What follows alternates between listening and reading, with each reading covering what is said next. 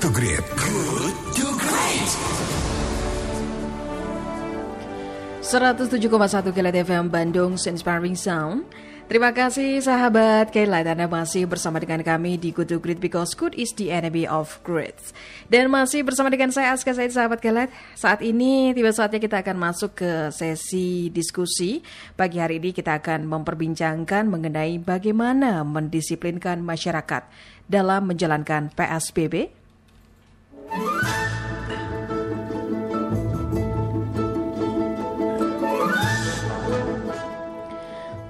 Penerapan pembatasan sosial berskala besar atau PSBB di Bandung Raya dan sekitarnya belum uh, sepenuhnya berjalan efektif.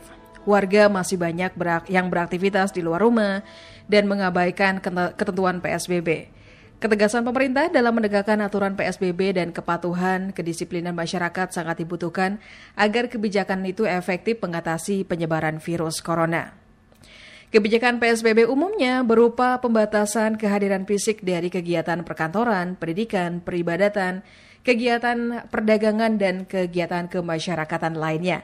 Di mana inti dari kebijakan PSBB adalah untuk membatasi penularan COVID-19 dengan cara menjaga jarak dan menggunakan masker ketika di luar rumah. Presiden meyakini pencegahan COVID-19 akan berhasil jika masyarakat disiplin. Faktanya, masyarakat kita bukanlah masyarakat yang memiliki budaya disiplin yang baik. Pelanggaran PSBB terjadi sejak kebijakan tersebut diberlakukan seperti di Jakarta. Mengutip artikel yang ditulis oleh Desnaidi Aziz, praktisi komunikasi dan public relation yang juga pernah menduduki posisi penting di Telkom. Ada uh, pekerjaan besar kita bersama untuk menanggulangi wabah COVID-19, yaitu mendisiplinkan masyarakat. Padahal mendidik masyarakat untuk menjadi masyarakat disiplin merupakan pekerjaan kita yang belum selesai. Sehingga dengan wabah COVID-19 ini, beban tugas kita menjadi bertambah berat. Mendidik masyarakat menjadi disiplin dan menanggulangi wabah COVID-19 itu sendiri dari berbagai aspek.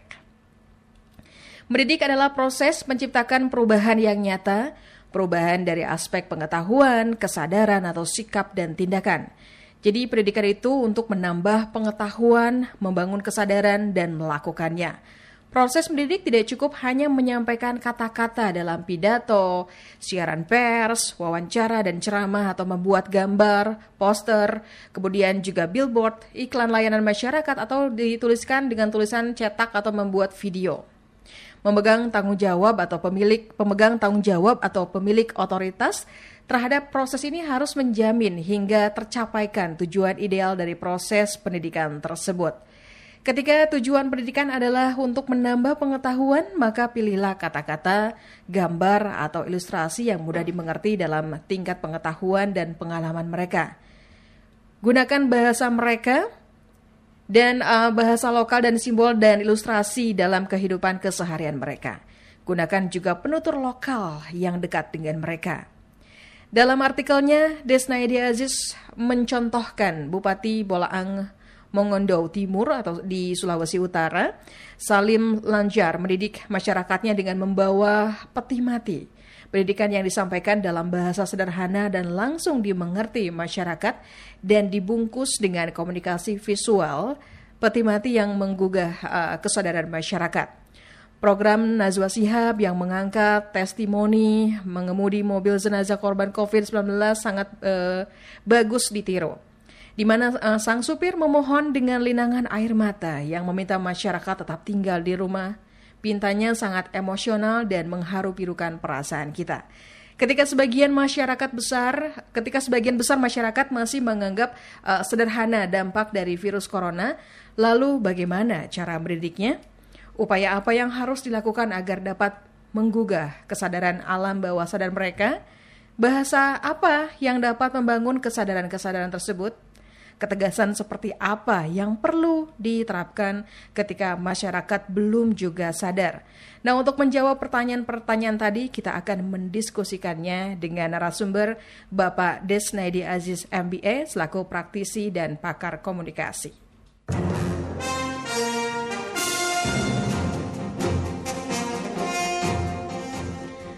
Halo, selamat pagi. Assalamualaikum Pak Desnedi Aziz.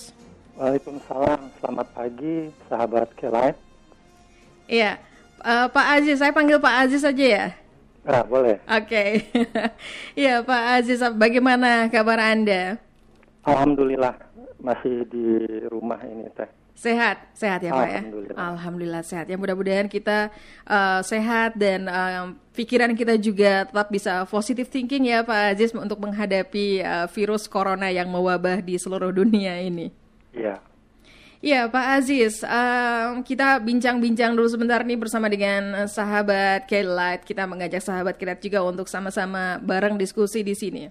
Nah Pak Aziz, ini jumlah pasien positif terinfeksi virus corona di Indonesia per Rabu 22 April 2020 kemarin berjumlah sekitar 7.418 kasus ya. Ini ya, sebanyak betul. 635 orang di antaranya meninggal dunia dan 913 orang dinyatakan sembuh.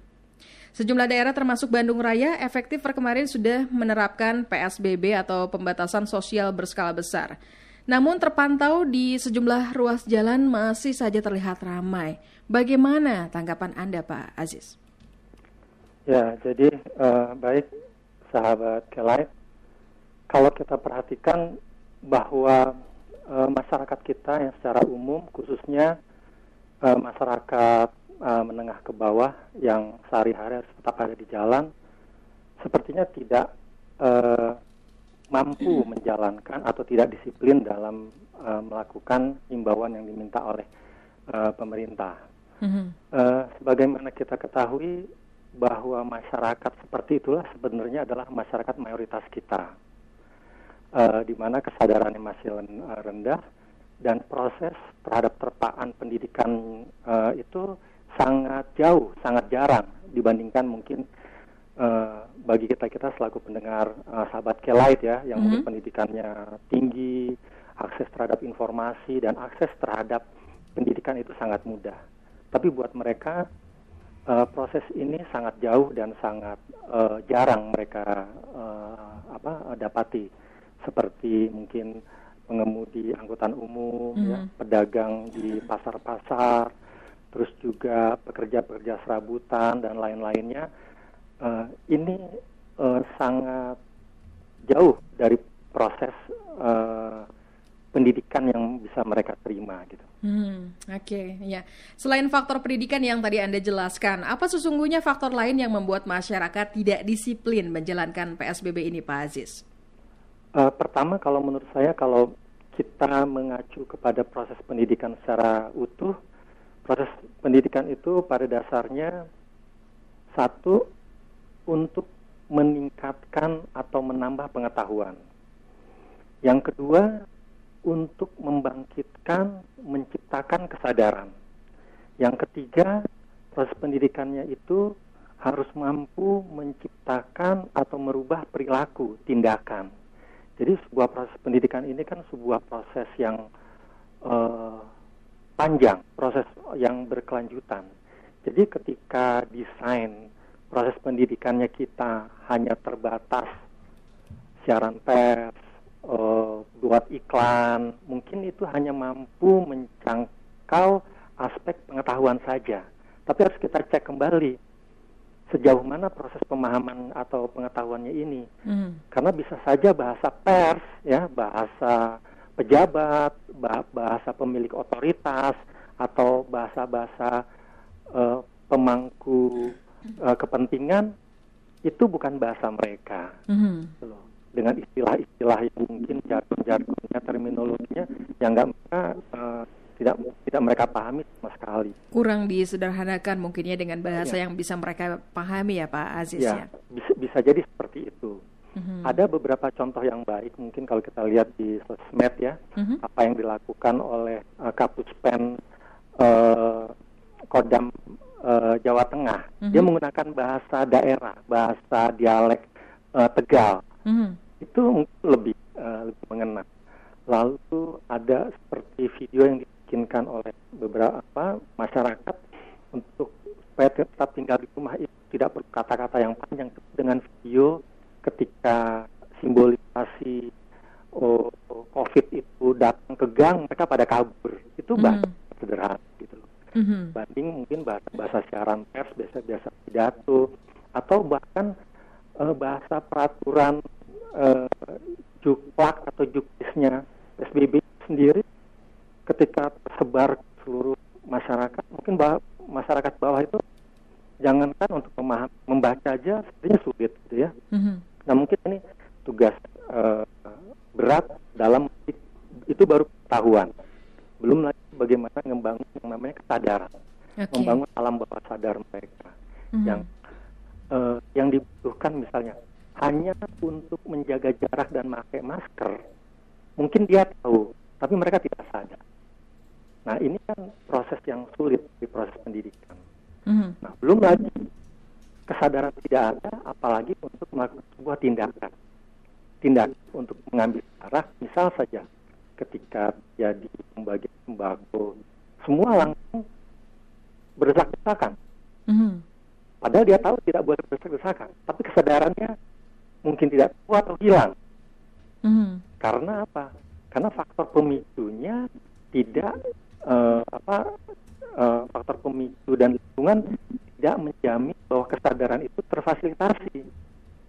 Misal, kalau kita lihat contoh di beberapa negara ketika ada pembagian sembako atau pembagian beras mm-hmm. dengan sangat disiplinnya mengambil jarak 2 meter. Uh, kejadian di Lamongan ketika bupatinya menyerahkan apa uh, sembako, orang akhirnya rebutan di atas uh, mobil yang tidak terkontrol sama sekali. Oke. Okay. Nah ini menurut saya proses pendidikan yang menjadi PR kita sangat berat. Gitu. Baik baik. Ya, ini uh, kurangnya kesadaran masyarakat kita. Lantas apa yang harus kita lakukan ini, Pak Aziz, untuk membangun kesadaran untuk uh, bisa uh, apa ya meningkatkan kesadaran masyarakat, Pak Aziz, menurut Anda? Uh, pertama, uh, sesungguhnya kalau kita melihat dalam sebuah uh, sistem pendidikan, harusnya desain sejak awal itu utuh, uh, teh. Mm -hmm. Ya, uh, pemir apa? Sahabat Kelight. Mm-hmm. Desain dari awal bahwa pendidikan masyarakat itu adalah sebuah kesisteman mm-hmm. yang terdiri dari beberapa program-program. Nah, program-programnya ini bisa mencakup program pendidikan itu sendiri, dua program sosial, uh, ketiga bisa program uh, penegakan kedisiplinan atau program uh, administratif. Nah, sejumlah program ini harus menjadi sebuah kesisteman sehingga ketika proses mendidik itu sendiri kita lakukan di jalan misalnya yang dilakukan oleh Pak Polisi. Okay. Nah, tapi program yang namanya tindakan hukum harus juga dilakukan dengan tegas. Mm-hmm. Misal, contoh yang paling uh, nyata misalnya, ketika supir angkot atau penumpang di dalam itu masih berdesak-desakan, itu uh, perangkat atau sistem dari penegakan hukumnya harusnya sudah jelas bahwa misal si supir angkot itu SIM-nya di, diambil, mm-hmm. penumpang disuruh turun. Nah, uh, pendidikan tanpa kelengkapan dari sistem atau program yang lain menjadi tidak berarti gitu. Okay. Nah, oleh karena itu misal yang bisa kita lakukan yang lain uh, seperti ketika terjadi pembagian sembako yang rusuh menurut saya yang ada di uh, Lamongan, harusnya dengan sangat tegas ya uh, para peserta itu dihukum uh, dengan cara pembagiannya dibatalkan. Hmm. Itu loh. Itu uh, jelas sama-sama mendidik, tapi ketika di, terjadi pembiaran, jadi proses kedisiplinan bagian dari proses pendidikan ini tidak tidak akan pernah terjadi. Ketika orang disuruh anti 2 meter dia menjadi satu meter harusnya aparat dengan tegas melaksanakan fungsi pendidikan yang lain yang tidak perlu pakai kata-kata gitu ya hmm. seperti di India seperti di Spanyol di beberapa negara itu mungkin kalau ini sudah pakai rotan orang langsung dipukul Tuh. tapi itu di difasilitasi oleh dasar hukum yang jelas nah kemarin kalau tidak salah semalam Pak uh, Gubernur Jawa uh, Gubernur DKI Jakarta uh hmm. -huh. sudah memperpanjang PSBB-nya ke tahap kedua yang 28 hari. Mm -hmm. Karena dinilai di hari uh, di tahap pertama yang 14 hari itu tidak terjadi perubahan. Mm -hmm. Nah, kedu, uh, di 28 hari ke depan sepertinya uh, Jakarta akan melakukan tindakan yang disiplin dari aspek penegakan hukum. Ya kalau menurut saya harusnya telat, harusnya sejak hari pertama di fase pertama sudah dilakukan sebagai sebuah kesisteman yang utuh gitu. Mm-hmm. Oke, okay. nah ini lantas upaya-upaya apa yang harus terus dilakukan oleh pemerintah dan stakeholders agar katakanlah bangunan disiplin dalam menjalankan PSBB oleh masyarakat ini bisa tercipta, Pak Ajis? Uh, kalau menurut saya, yang pertama harus dilihat lagi desain dari proses pendidikan secara utuh. Apakah uh, dari kesisteman proses pendidikan masyarakat ini dengan uh, subsistem atau program-program ini terintegrasi secara utuh uh, secara keseluruhan. Misalnya apakah dari proses pendid uh, program pendidikan itu berkorelasi tidak dengan atau terintegrasi tidak dengan program sosialnya. Uh, bagaimana proses pendidikan bisa dijalankan kalau proses sosialnya tidak dilaksanakan dan orang kelaparan dan orang harus masih tetap keluar. Mm -hmm. Nah, misalnya ketika orang dididik untuk pakai masker, tapi fasilitas uh, otoritas tidak memberi masker kepada masyarakat yang tidak mampu. Hmm. Ini berarti tidak tidak terintegrasi programnya dalam sebuah sisteman. Hmm. Proses pendidikan mengatakan bahwa masker itu melindungi terhadap sebaran droplet dan lain-lain, hmm. tapi sistem sosialnya, program sosialnya tidak memberikan itu. Itu kan berarti tidak efektif. Hmm. Nah, okay. menurut saya harus di, pertama-tama harus dicek dulu integrasi dari uh, apa kesisteman dengan, dengan program-program yang ada di bawahnya ini terintegrasi baik atau tidak. Kalau tidak ya mungkin harus direvisi, dievaluasi lagi. Lalu kedua uh, kita kita tidak bisa menemukan dengan jelas siapa pendidik hari ini, siapa uh, yang menjadi targetnya, oh, bagaimana objektifnya itu ditetapkan dan bagaimana prosesnya dilakukan. Uh, itu menurut saya hari ini uh, tidak jelas. Contoh, uh, apa peran misalnya ketua RT, ketua RW, lalu lurah, camat, dan seterusnya, seterusnya dalam proses pendidikan ya, mm-hmm. pendidikan. Jadi tidak saja cukup bahwa menerima uh, atau mendapatkan peraturan yang lebih tinggi mulai dari keputusan presiden, uh, apa peraturan Kementerian Kesehatan, lalu uh, gubernur, uh, wali kota dan lain-lain, tapi proses pendidikan yang lainnya kan harusnya secara ini apa, secara utuh menjadi uh, tanggung jawab para pemilik otoritas. Pemilik otoritas lain misalnya pemuka uh, masyarakat, uh, ketua perkumpulan dan lain-lain. Nah, persoalan ini kan tidak terintegrasi dalam proses pendidikan yang yang uh, menyeluruh sehingga orang mendapatkannya informasinya parsial. Mm -hmm. Contoh, uh, ketika MUI dan masyarakat dunia yang orang muslim mengatakan bahwa uh, dihimba apa ditetapkan bahwa sholat dan segala macam diminta di rumah. Nah sementara di sebuah provinsi sebuah kota di uh, Sumatera MUI-nya mengeluarkan peraturan yang berbeda. Nah ini menurut saya uh, ketidak integral atau tidak sisteman sebuah pesan komunikasi pendidikan uh, secara menyeluruh. Jadi masyarakat kan jadi bingung. Mm-hmm. Belum lagi contohnya misalnya yang yang ada di lapangan kita secara misalnya untuk menjaga jarak dan untuk uh, memakai masker saja. Coba kita lihat ketika orang uh, naik kendaraan umum atau ketika narik narik objek. Nah, ketika di awal kan katanya tidak boleh. Akhirnya mm-hmm. katanya boleh naik kendaraan ada dua asal uh, memiliki KTP yang sama. Terus kalau dia menggonceng anak, Terus bagaimana kalau tahu itu anaknya? Mm-hmm. bagaimana kalau tahu itu katanya harus bawa kartu keluarga? Kan menjadi ribet. Nah, ketika misalnya di jalan kita lihat oh, angkot penuh, oh, orang berdesak-desakan. Bentuk prosesnya dari proses pendidikan ini menurut saya uh, tidak cukup efektif. Misal harusnya ketika uh, supir angkotnya tidak patuh, mm-hmm. uh, mungkin selain saja diberi sanksi, hukuman, itu juga diberi fasilitas sosialnya. Nih, diberi masker. Okay. Masyarakat okay. yang penuh dikurangi, naik angkot berikutnya. Mhm. Misalnya mm-hmm. angkot-angkot yang tidak patuh dikasih label aja di belakangnya warna merah bahwa ini angkot yang tidak patuh itu adalah hukum-hukum sosial. Mm-hmm. Gitu. Jadi oh, si apa penumpang akan bilang ah nggak mau naik angkot ini nih karena ini nggak patuh supirnya misalnya bagi masyarakat yang patuh ya gitu. mm-hmm. nah ini kan harus terintegrasi menjadi hal yang sangat detail karena di dalam proses kita mendidik itu selain materi apa yang harus kita berikan, tapi aktivitas detailnya harus kita desain sejak awal. Baik, iya. Nah, gitu. Hmm, iya, Pak Ajis tadi kan ini uh, dalam konteks komunikasi Anda tadi uh, memaparkan bahwa bahasa yang disederhanakan bahkan juga menggunakan bahasa daerah untuk uh, melakukan pendekatan kepada masyarakat. Apakah sejauh ini itu cukup efektif untuk membangun kesadaran pentingnya disiplin dalam menjalankan PSBB menurut Anda Pak Ajis? Uh, sebetulnya menurut saya juga itu baru satu tahap ya, uh, sahabat Kelain tapi itu sudah membantu mm-hmm. mereka dengan sangat mudah memahami PSBB. Menurut saya istilah PSBB saja ini tafsirannya terlalu susah ya kalau buat masyarakat umum gitu loh. Pembatasan sosial berskala besar.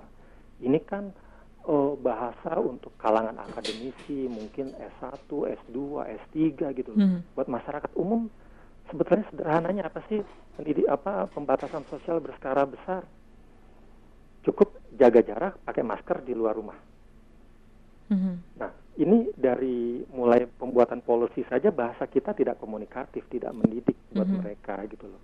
Belum lagi kalau kita lihat di aturan-aturannya, di selebaran-selebaran yang ada di medsos ya, dengan tulisan panjang lebar yang menurut saya uh, agak mengenyir apa ri, ribet gitu loh bacanya, apalagi memahami. Mm-hmm. Contoh yang paling sederhana mungkin kalau kita nonton videonya Pak Endul ya mm-hmm. di sosmed itu sangat sederhana bahwa nggak boleh mudik gitu loh mm-hmm. jadi bahasa nggak usah panjang lebar mungkin uh, dia yang ngomong pakai bahasa Jawa kalau kita mungkin pakai di kita pakai bahasa Sunda uh, oh tahulah pahamnya karena yeah. buat iya. masyarakat bahwa detail itu tidak begitu penting kalau esensinya nggak didapat gitu uh-huh. Iya iya. Kalau bahasa sudah cicing di imah gitu ya. Misalnya, uh, uh, gitu. Misal iya. ya. Kan selama ini stay at home gitu ya kan mungkin iya. nah, sebagian masyarakat awam tidak mengerti itu kan bahasa iya. asing ya. Mereka contoh, tidak mencernanya. Contoh kesalahpahaman kita tentang dulu ada rencana mau lockdown. Apa yang ditulis oleh masyarakat? Mm-hmm. Ada yang lockdownnya jangan, ada yang london, ada, ada yang, yang download. download. Karena istilah itu asing bagi mereka ya, Pak Aziz ya. Asing gitu.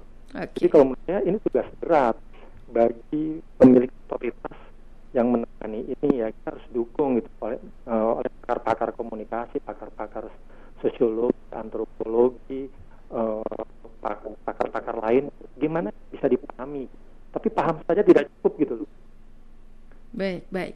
Ya, Pak Aziz yang terakhir ini sebagai masukan, ketegasan seperti apa yang perlu diterapkan oleh pemerintah ketika masyarakat belum juga sadar, Pak?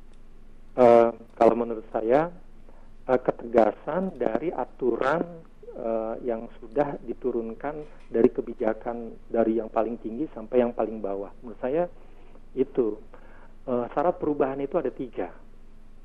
Satu, komitmen komitmen dari seluruh stakeholder, dari seluruh orang yang berkepentingan, apakah itu otoritas ataupun masyarakat. Komitmen. Komitmen menjadi tidak cukup ketika hanya komitmen, tidak ada involvement, tidak hmm. ada keterlibatan. Kalau sudah melakukan siaran pers, dianggap sudah selesai. Hmm. Tidak. Kalau sudah misalnya pasang spanduk, selesai.